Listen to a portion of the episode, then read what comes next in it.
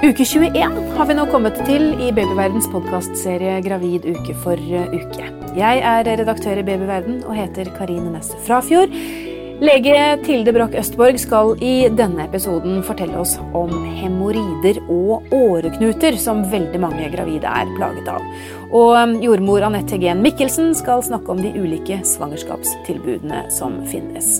Og så har jeg bare lyst til å minne om appen vår, eh, Gravid og barn, hvor du kan følge utviklingen til eh, babyen din eh, uke for uke og, dag for dag. Så hvis du ikke har lastet den ned, så anbefaler jeg deg å gjøre det. Det er flotte bilder der, og jeg sitter og ser på ett av de nå sammen med deg, Tilde. Uke 21 eh, ser jo at denne lille babyen virkelig begynner å ta form nå, selv om hodet er litt stort ennå. Hodet er fortsatt stort, og det vil det jo være i mange uker til, egentlig. Altså, hodet er liksom det som utvikles først, og så vokser liksom kroppen etter, etter for å passe til. ja. Mm. Men fosteret er ca. 26 cm langt eh, i hel lengde denne uka. Og nå har vi kommet opp i 400 gram. Ja. Vi har jo tidligere sammenligna med matvarer, men jeg kommer bare på ting som ikke er så passende å Kjøttdeig. Kjøttdeig. Rett og slett. Ja. Mm. ja. Pakke kjøttdeig. Ja, ok. Men, men, da er det litt sånn ja, meg. Men da er det litt størrelse på den. Det begynner å bli størrelse på dette, også. Det gjør det. Eh, du, Vi skal snakke om noe som ikke er så hyggelig. Eh, det, det mange får, er jo hemoroider. Eh, og dette er jo litt sånn tabubelagt, har jeg inntrykk av. Kan du også røpe at dette artikler om hemoroider på babyen er veldig godt lest, sånn at jeg tror dette rammer mange. Men først, hva er det? Eh, jeg vil bare ta opp den tråden som du sa der, og det er at dette er kjempevanlig. Eh, mange syns det er veldig plagsomt, og like mange syns at dette er vanskelig å snakke om. Eh, samtidig så er det mange ting man kan gjøre med det. så det er viktig å, Jeg tenker faktisk at det er viktig å snakke om. Ja, men når du sier vanlig, kan vi liksom tenke at alle får det? Eller nesten det er, alle? Ikke nesten alle, men jeg vil tro at flertallet har i hvert fall noe påvirkning av, av tarm med kanskje resulterende hemoroider. Ja. Og det er hjelp å få. Og det er hjelp å få. Ja, La oss komme tilbake til det, men først, da, hva er det for noe? Hva er hemoroider? Ja. Det er sånn at eh, Langs eh, tarmen vår så har vi eh, vener, altså blodkar som fører blod tilbake til hjertet. Det, vi har jo vener i hele kroppen ellers også. Og så er det sånn at I svangerskapet så lager vi et hormon som heter progesteron. Det har vi snakka om tidligere. Det er det som gjør at livmoren slapper av og ikke begynner å lage rier men som også gjør at glatt muskulatur i tarm og i kar blir mye løsere.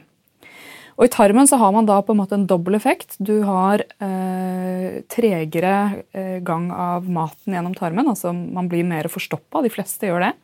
Og I tillegg så har du disse karene, da, disse venene rundt endetarmsåpningen, som blir slappere i, i strikken, rett og slett. Ja. Og når man da eh, kanskje trykker på toalettet for å få ut avføring, så utvides disse karene, og så kan de bli varig, varig utvida. Så man, det, på en måte, Hemoroider merkes jo ofte som en, en, en, glatt kul rundt endetarmsåpningen. Ja, for man kan kjenne den. Eh, ytre hemoroider kan du kjenne. Indre hemoroider kjenner du ikke. De kan eh, av og til blø, men du har ikke så mye noen centimeter innenfor endetarmsåpningen så har du ikke så mye følelse, vanlige følelsesfibre. Mm. Så de hemoroidene som pleier å gi folk ubehagsplager, altså eh, smerter eller eh, fremmedlegemefølelse, det er de som er utvendige. Er det litt sånn bingo om man får utvendig eller innvendig? eller?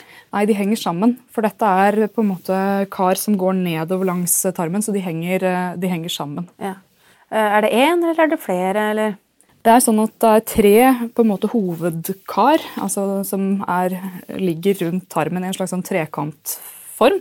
Så det vanligste er å få eh, hemoroider på disse tre stedene. Mm. Men det er mindre kar også rundt som også kan på en måte utvide seg. Så man kan rett og slett få tre hemoroider? Man kan få mye mer enn tre hemoroider. Oh, ja. Man kan få en drueklase hvis man er eh, litt uheldig. ja. ja høres, og, det høres ikke godt ut? Det er ikke godt. Det er kjempeplagsomt for mange, og så føler de at de ikke kan snakke om det. Ja. Men, ja, jeg skjønner jo kanskje hvorfor dette er tabubelagt, egentlig. Mm. Men, eh, men, man bør kanskje snakke om det, da. Eh, til lege eller jordmor, i hvert fall. Eh, for, for å få gjort noe med det. Jeg tenker at Det er kjempebra at Babyverden har en, en side om det, og det fins en god del informasjon om hemoroider på nett. Men det er klart at har man uttalte plager med hemoroider, så finnes det også flere råd å få hos helsepersonell. Mm. Og punkt én er forebygging. Det er sånn at Hemoroider er også til dels arvelig. sånn at uh, har du... Skal du spørre mor? ja, altså det, er, det, trenger ikke å være så dumt å, å, spørre mor hvis mor er biologisk mor. Um, fordi um, enkelte har på en måte noen triks, triks i ermet der. Og det handler uh, først og fremst om å holde avføringen myk. Ja. Og hvordan holder man avføringen myk? Da er Det jo på en måte det grunnleggende er det med kosthold. Altså et, et kosthold som inneholder nok fiber, og hvor man får i seg nok vann. Når du sier fiber, vi må bare ta dette liksom helt grundig. Hva skal man spise da? Da skal man spise grove kornprodukter, eh, grønnsaker. Eh, man kan spise frukt, altså, men da ikke fruktjuice, men frukt som inneholder de fiberne som er i, i frukt. Spis selve eplet. Spis selve eplet, mm, ja. Mm. Spis selve eplet. Og så det, har vi noen eh, på en måte konsentrerte former for fiber, som er, er i f.eks. tørket frukt. altså Svisker er jo en en klassiker. Det er sånn bestemor. Det er sånn bestemortriks, ja. ja, ja. og så er det jo ikke så veldig mange som kanskje syns at svisker er helt topp, men det kan det funker? Det, ja, det er relativt effektivt. Og så har vi noen ting i kosten som, som ikke er vanlig fiber i seg selv, men som, som binder væske i tarmen og dermed gjør det mykt. Og da er det jo linfrø.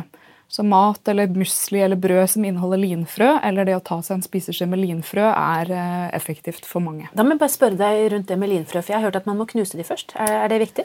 Det er, ikke, det er ikke nødvendig. Enkelte mener at de er mer effektive knust, men det som binder vann i linfrø, ligger på en måte på utsiden av linfrøene. Ja. Så hvis man velger å knuse dem, så får man jo også eh, i seg noen næringsstoffer som er i linfrø. Men i utgangspunktet så er det også effektivt å ta en spiseskje som ikke er knust. Og det smaker jo ikke så mye, så det Det smaker ikke så mye. De fleste syns det går noenlunde greit å få ned. Men clouet med linfrø er jo at de binder vann, sånn at du må, må ha et væskeinntak sammen med dem. Ja, riktig. Så, så forebygging i, med hjelp av kosthold da, hovedsakelig er viktig? Det er liksom bunnen av uh, forstoppelsespyramiden. holdt ja. jeg på å si. Det er det som, som jeg egentlig vil anbefale alle som har tendens til forstoppelse. Ja.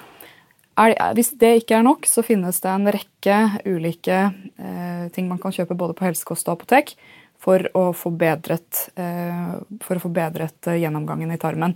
Men man må være obs på at ting man kjøper på helsekost, ikke nødvendigvis er godkjent for gravide. Og på apoteket bør man spørre om råd, for det er ikke alle avføringsmidler eller alle mykgjørende midler man bør bruke i svangerskapet. Men nå er vi altså i uke 21, og, og kanskje sitter man allerede da, med disse eh, hemoroidene. Det kan godt. Eh, ja. eh, um, så, så, det å på en måte forebygge er kanskje for seint for noen. Eh, greit å tenke på til neste gang, da. Eh, ja, ikke bare til neste gang, men tingen er at eh, hemoroider kan gå eh, i på en måte bølger holdt jeg på å si, i svangerskapet. Ah. Så selv om du allerede har et etablert hemoroideproblem, så er det allikevel kjempeviktig eh, å forebygge mer trykking på toalettet. Mm. Fordi eh, det er sånn at selv om du allerede har det, så kan det øke på. Og, eh, og det vil vi jo unngå. Mm. Men tilbake til det du sikkert skulle inn på, tror jeg. Ja. At eh, hvis man allerede har hemoroider, hva gjør man da? Få det vekk! ja, der er det nok mange som hadde håpet at uh, noen kan sette en kniv i det og få det vekk ja, der og da. Ja. Uh, det er sjelden noen god idé i svangerskapet. For det første så gir det smerter der man har skåret. Eh, hemoroidene skal på en måte ligge til rette for det, og det gjør de sjelden. Sånn at noe kirurgisk behandling i svangerskapet er sjelden aktuelt. Det er eh, primært hvis man har det man kaller en trombosert hemoroide, altså en hemoroide som har gått tett, og som er så smertefull at man ikke vet hvor man skal gjøre av seg. De kan man, eh, de kan man tømme. Men i utgangspunktet så er det behandling med Cheriproct og andre eh, lindrende midler man kan kjøpe på apotek. Altså kremer, rett og slett? Kremer og stikkpiller. Hva gjør de? Fjerner de det, eller, eller bare fjerner de smertene, eller hva gjør eh, kremene og pillene? De gjør egentlig begge deler, eh, til dels. Men igjen så handler det om at de kommer tilbake hvis man ikke gjør noe med avføringskonsistensen. Oh, men uff da. Dette er, dette er et svangerskapsrelatert problem håper jeg. Eller er det sånn at når man først Nei, det er ikke nå ser jeg på det. at dette er det kanskje ikke. For jeg tenker at når man har da fått det kanskje for første gang når man er gravid, og tenker at bare jeg har fått ut dette barnet nå, og trykt ut dette barnet nå, så, så er jeg kvitt dem. Men det er ikke det, altså? Eh, de fleste opplever en betydelig tilbakegang av hemoroider etter svangerskapet. Det kan, men det kan ta måneder altså, før det er helt eh, ok. Ja. Og så er det sånn at Hvis man er utsatt for hemoroider, så kan man også få det senere i livet. Eh, men da er det jo ofte mildere og gjerne i forbindelse med, med forstoppelse, eller at man har hatt en periode med stress eller noe annet som gjør at man ikke har fått gått regelmessig på toalettet. Så da må man også passe på det og liksom eh, spise riktig og drikke og, og alt. Og så tenker jeg at um, hemoroider eh, altså Ofte skal man kanskje oppleve at man blør fra endetarmen, da. Og det er jo skremmende for mange. Mm. Er det farlig? Altså En enkeltblødning fra endetarmen i forbindelse med hemoroider, altså hvor det er åpenbart at hemoroider var årsaken, eh, i, hos kvinner i fertil alder, er sjelden noe alvorlig. Men det er klart at har man vedvarende, vedvarende endetarmsblødning, eller at det skjer over tid, så bør man kontakte lege. Er det forskjell på blod, om det er friskt blod, eller man ser om det kanskje ikke er helt uh, rødt, eller? Altså, Hemoroider vil stort sett alltid blø med friskt blod. sånn at ser man noe annet, så syns jeg man skal kontakte lege. Men uansett, da, hvis man har hemoroider med smerter, skal man da oppsøke lege og be om hjelp? Um, det vi kan tilby, er lindring. Uh, sånn at uh, og det er i beste fall. Ja. Så jeg ville, um, jeg ville, i første omgang uh, oppsøkt apotek og fått hjelp der. Ja. Det er egentlig primært altså disse tromboserte hemoroidene. Store tromboserte hemoroider kan man gjøre noe med, med å tømme de, men mange har nesten like vondt i det såret hvor vi har skåret etterpå. Så det er et veldig toegget sverd, det der. Du, nå har vi snakket masse om hemoroider. Jeg sa vi skulle innom åreknuter også. Helt kort, hva, hva er det for noe? Åreknuter og hemoroider er litt to sider av samme sak. Ehm, vi har eh, vener, altså blodårer som fører blod tilbake til hjertet eh, i hele kroppen, men, særlig, altså, men også i, i, beina våre. Og eh, det har nok fungert fint så lenge vi gikk på alle fire, men idet vi står på to, så er det et ganske høy væskesøyle, altså et ganske stort trykk nedover i disse venene. Um, og det trykket øker i svangerskapet, både fordi blodvolumet er økt, men også fordi, eh, fordi eh, man har en, eh, en dårligere, dårligere, tilbakeføring av blod til hjertet. Så man kan få utposninger på disse blodårene. Mm. Og da vil man se det som, som blå, eh, blå, knuter på en måte på lår eller legger. Åreknuter er ikke farlige, men eh, mange syns at de er kosmetisk skjemmende. Mm. Det man kan gjøre for å unngå dem, er eh, å bruke støttestrømper. Ja, Klassiske. Klassiske støttestrømper. Ja. ja. Som man får kjøpt uh, på apotek, eller bandasjist, som det heter. Eller kan man bruke de man trener med? Altså, jeg tenker på kompresjonsstrømper, eller, det, eller må man liksom få de ordentlige? Et godt spørsmål. Jeg tenker at eh, Noe kompresjon er bedre enn ingen kompresjon. Ja. Men hvor jeg vet ikke om det er gjort noen studier på om de er effektive mot Jeg tror, jeg, ser, jeg tror ikke det er så veldig effektivt, nei. nei. Men, men støttestrømpe kan være en god greie? Det kan det, og jeg skjønner at det på en måte ikke er det man uh, føler, seg, føler, seg, flottest i, kanskje, men man, uh, man reduserer risikoen for åreknuter. Og jeg må bare spørre deg i forhold til det med støttestrømpe, siden vi er inne på det, Gravide skal vel også ha det når de er på fly? Vi anbefaler altså På korte flyreiser er det neppe nødvendig med støttestrømper, men skal man som gravid fly langt, så anbefaler vi Eh, i hvert fall at man eh, ikke tar noe å sove på, for da blir man på en måte sittende veldig stille, og at, eh, at blodet står mer stille i beina. Man bør være oppe og gå. Man bør, i, altså man bør ha i seg nok væske, altså hindre at man blir dehydrert. Og det er på en måte det grunnleggende. Støttestrømper forebygger blodpropp. I Enkelte studier har det vist seg å være like effektivt som blodfortynnende midler når det gjelder forebygging på flyreise. Oh, ja. Eh, så det er ikke sånn at man må, men, men, det er klart at er man engstelig for den typen ting, så, så er eh, støttestrømper et tiltak man kan bruke. Masse gode råd fra deg, altså, lege Tilde Broch Østborg. Tusen takk. Og etter pausen så skal vi snakke med jordmor Anette Hegen Mikkelsen.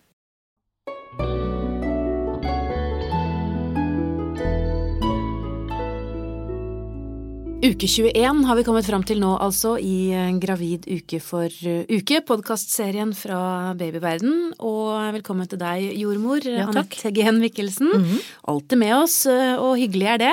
Du, eh, takk for det.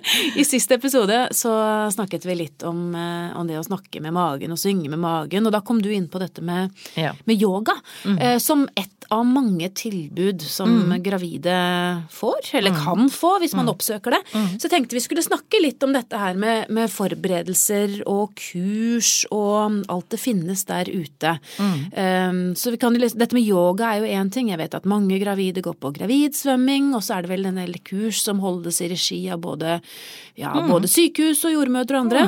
Um, hva pleier du å anbefale? Ja, altså det har vel i grunnen skjedd et lite sånn generasjonsskifte i den sammenhengen der, tenker jeg. Fordi at når jeg begynte som jordmor for mange, mange år siden, så var dette med svangerskapskurs eller fødselsforberedende kurs, da, som gikk over mange ganger, altså kanskje til og med fem-seks ganger med møte flere kvelder etter hverandre med, med partner og, og den som skulle bli bli mamma. Eh, og de var veldig populære, og mange som meldte seg på. Nesten vanskelig å få blitt med på kursene. Sier du det? Ja. Hva, hvorfor var de så populære? Da? Ja, nei, jeg tror at eh, da var det liksom eh, bøkene, altså den der tradisjonelle papirboka, og den jordmora i kommunen eventuelt som, som representerte kunnskapen rundt fødsel, for ikke, å si det sånn. Ja, for det var ikke så mye, var ikke så mye informasjon den gangen. Nei, det var jo i grunnen informasjon bare fra én eller to kilder, da, Mm. for å si det sånn. Og så har det skjedd, opplever jeg som jordmor da. Altså de kursene er ikke så veldig populære mer, kanskje, eller noen spesielle kurs er det, men ikke den tradisjonelle eh, fødselsforberedende eller foreldreforberedende kursene har vel blitt gått litt ut av mote, kanskje. Eh, og, og det er litt på godt og vondt, da, kan du si, fordi at eh, når kvinner nå om dagen, eller de som skal bli foreldre, søker informasjon, så går de jo tradisjonelt sett nå eh, til eh, internettet, Ja. for å si det sånn. Eh, og ser på alle mulige slags varianter, og eh, det vi skal Tenker du på videoer nå, for eksempel? ja, videoer eller annet. Og, og da må man altså tenke på at både når det er spørsmål om forskjellige saker og ting, og det er diverse blogger eh, som kan være av privat karakter og sånn, så er det jo ikke noe eh, Altså saklighetsnivået kan være litt varierende, ikke sant? Fordi at det kan jo være sånn at man eh, som blogger bearbeider egne fødselsopplevelser og skriver om forskrekkeligheter. Eh, og jeg syns nok at det er det som er dominerende, da. At det er mye skrekk og gru der ute. Får du mange gravide inn på kontoret ditt som har lest noe som de blir skremt av? Ja, det syns jeg at jeg får. Og derfor så pleier jeg å si at eh, nå får du prøve å sortere ut hva du leter etter og hva du, hva du leser, og være kritisk til det du får inn. Eh, fordi at det er eh, veldig varierende kvalitet, for å si det sånn, i forhold til saklighet når det gjelder fødselsforberedelse, for eksempel. Nå er jo jeg redaktør i Babyverden, Ja. eh, og da føler jo jeg veldig for å si at jeg er jo helt enig i det at det å velge kilder, gode kilder, er viktig. Mm. og på Babyverden, Babyen er jo skrevet av journalister, og da, da har man jo veldig strenge krav til, til saklighet og troverdighet, så der kan jeg love at man finner god og troverdig informasjon. det er bra. Uh, ja, det, det er viktig, Ja. Uh, syns vi som jobber eh, i babyverden også. Men det er klart at som du sier, det er mange bloggere som har personlige personlige historier, og, Mm. Ja, ja. og som kanskje har, kommer ut med påstander uten å ha faglig belegg for det. Mm. Eh, uh, Så for- det å være kildekritiske, det tror jeg vi skal være enige om at det er viktig. Ja, for hvordan forberede seg, for å si det sånn.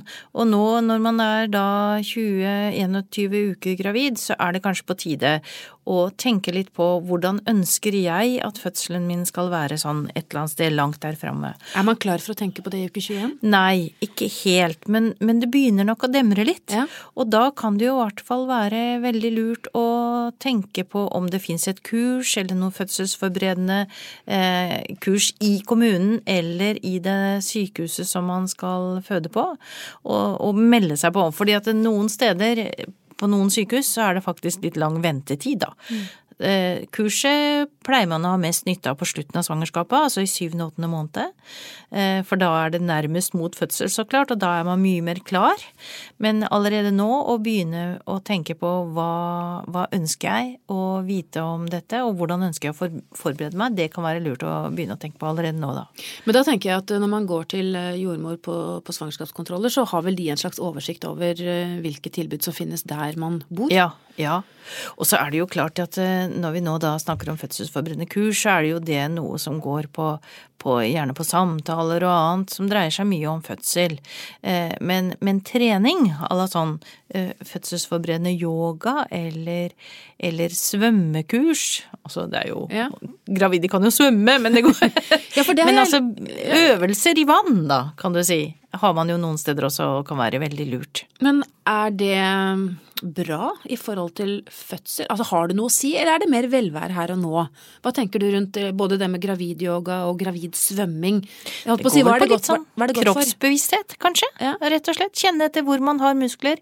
Eh, Dette å føde barn er jo eh, en mental sak, så klart, men det er jo også en veldig sånn kroppslig begivenhet hvor man altså rett og slett skal bruke muskler. Altså livmora er jo en egen muskel som man ikke har styring over, så klart, og, og som jobber for å få denne babyen ut. Men, men det er klart at man har godt av å være i god form, og man har godt av å ha sterke muskler i, i, i eh, i eh, lår og, og rumpa og andre steder å være utholden eh, hjelper jo uansett, fordi at det er jo en tung prosess, altså det er jo en slitsom prosess, og det tror jeg kanskje mange gravide ikke er så klar over, at det er en forholdsvis slitsom prosess, prosess sånn kroppslig det der, å føde barn. At det ikke bare er en mental slitsom prosess, Nei, men også nei, det er begge deler, ikke sant. Mm. Og derfor så tenker jeg at det å trene, som man kan gjøre gjennom yoga eller, eller gravid svømming, det er jo en bra ting, og det må man jo gjerne begynne med i uke 21. Det er jo bare fint. Mm. Det har vi laget en egen podkast på i, i babyverden også. Ja. Dette med eh, det å trene i svangerskapet, eller det å være fysisk aktiv, da, som kanskje er et litt sånn eh, eh, enklere begrep å Mm. Ja, forholde ja. seg til, for trening høres så slitsomt ut. Ja. Ambisiøst. Og det behøver ikke være sånn. Nei. Nei. Men, men hvis man eh, verken har lyst til å gå på yoga eller svømming, eh, og, og på en måte allikevel vil forberede seg Man kan vel få en god fødsel for det? Ja, så absolutt. Og, og jeg tenker jo at eh, mitt favorittuttrykk er jo gå deg en tur, ikke Ja. sant. Fordi at det er så lettvint og greit, og så får man frisk luft og blir i godt humør stort sett når man kan være ute og gå lite grann. Så, så eh, for å trene muskler og for å trene kondisjon, så er jo det å gå tur en, en veldig bra ting. Men ellers så tenker jeg, kan Altså, jeg tror kanskje man skal bruke den metoden som kvinner til alle tider har brukt, og det er snakke med personer som de har tillit til. Altså, det er jo en måte å forberede seg på som eh, kan være Som er som oftest eh, veldig bra. Og da går det jo selvfølgelig på venninner og andre eh, som man har et nært forhold til, da. Men her også gjelder det vel å sortere litt hva som kommer. Og så kan man selvfølgelig, og det opplever jeg at mange gjør, snakke med sin egen mor. Eller sin egen svigermor. Og da må man huske, da, at disse svigermødrene og mødrene, de er jo litt eldre enn en. selvfølgelig. Så da kan det komme litt Så da kan det jo komme litt informasjon som ikke er helt up to date. Ja. Men det er jo velmenende og hyggelig. Og det er eh, som oftest. Og eh, det er mange gode samtaler man kan ha med nære slektninger i forhold til å forberede seg til å bli til fødsel, men også til å bli mamma. Ikke minst det siste der, da. Eh, og så har vi jo, eh, og jeg vet ikke helt om det er sant, men vi pleier jo å si at eh, fødsler er jo en prosess som man gjerne ser at i noen familier i hvert fall, så føder man veldig lett og enkelt og greit. Så det er litt trøst i det hvis man tenker at eh, hvis man har en mor som sier at nei, det gikk så bra, så jeg har, vi har stort sett klart det veldig bra, så, så er det grunn til å være optimistisk.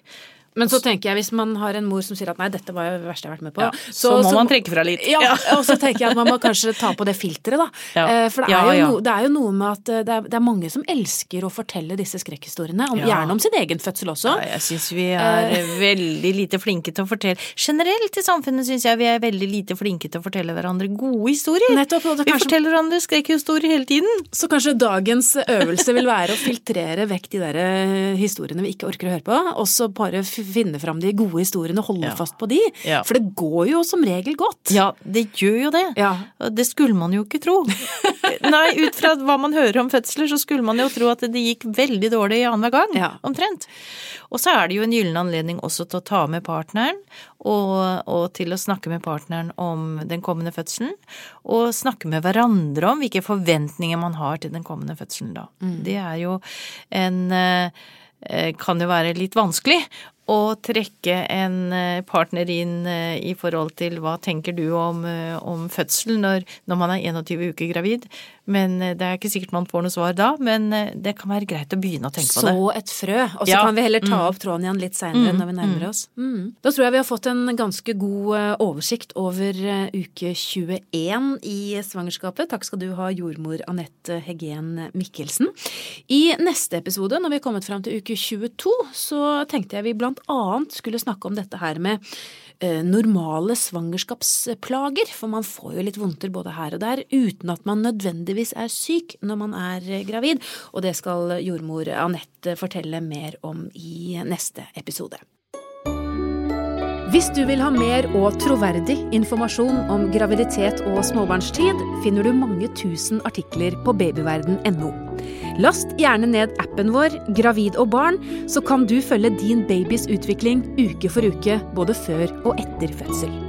I appen finner du også artikler, morsomme verktøy, gode tilbud og selvfølgelig også alle podkastepisodene våre. Som medlem i Babyverden får du også ukentlige nyhetsbrev med masse nyttig informasjon om både deg og babyen din, og tilgang til vårt populære diskusjonsforum. Våre medlemmer er også med i trekningen av flotte premier hver måned helt fram til barnet fyller ett år. Alt er selvfølgelig helt gratis. Det er også Babyverden som utgir Spedbarnsboken, som du kanskje har hørt om. Vi har gitt ut Spedbarnsboken gratis helt siden 1964, og den får du på de fleste sykehus etter at du har født. Men hvis du vil ha boken tilsendt i posten før fødsel, kan du bestille den via babyverden.no eller appen vår.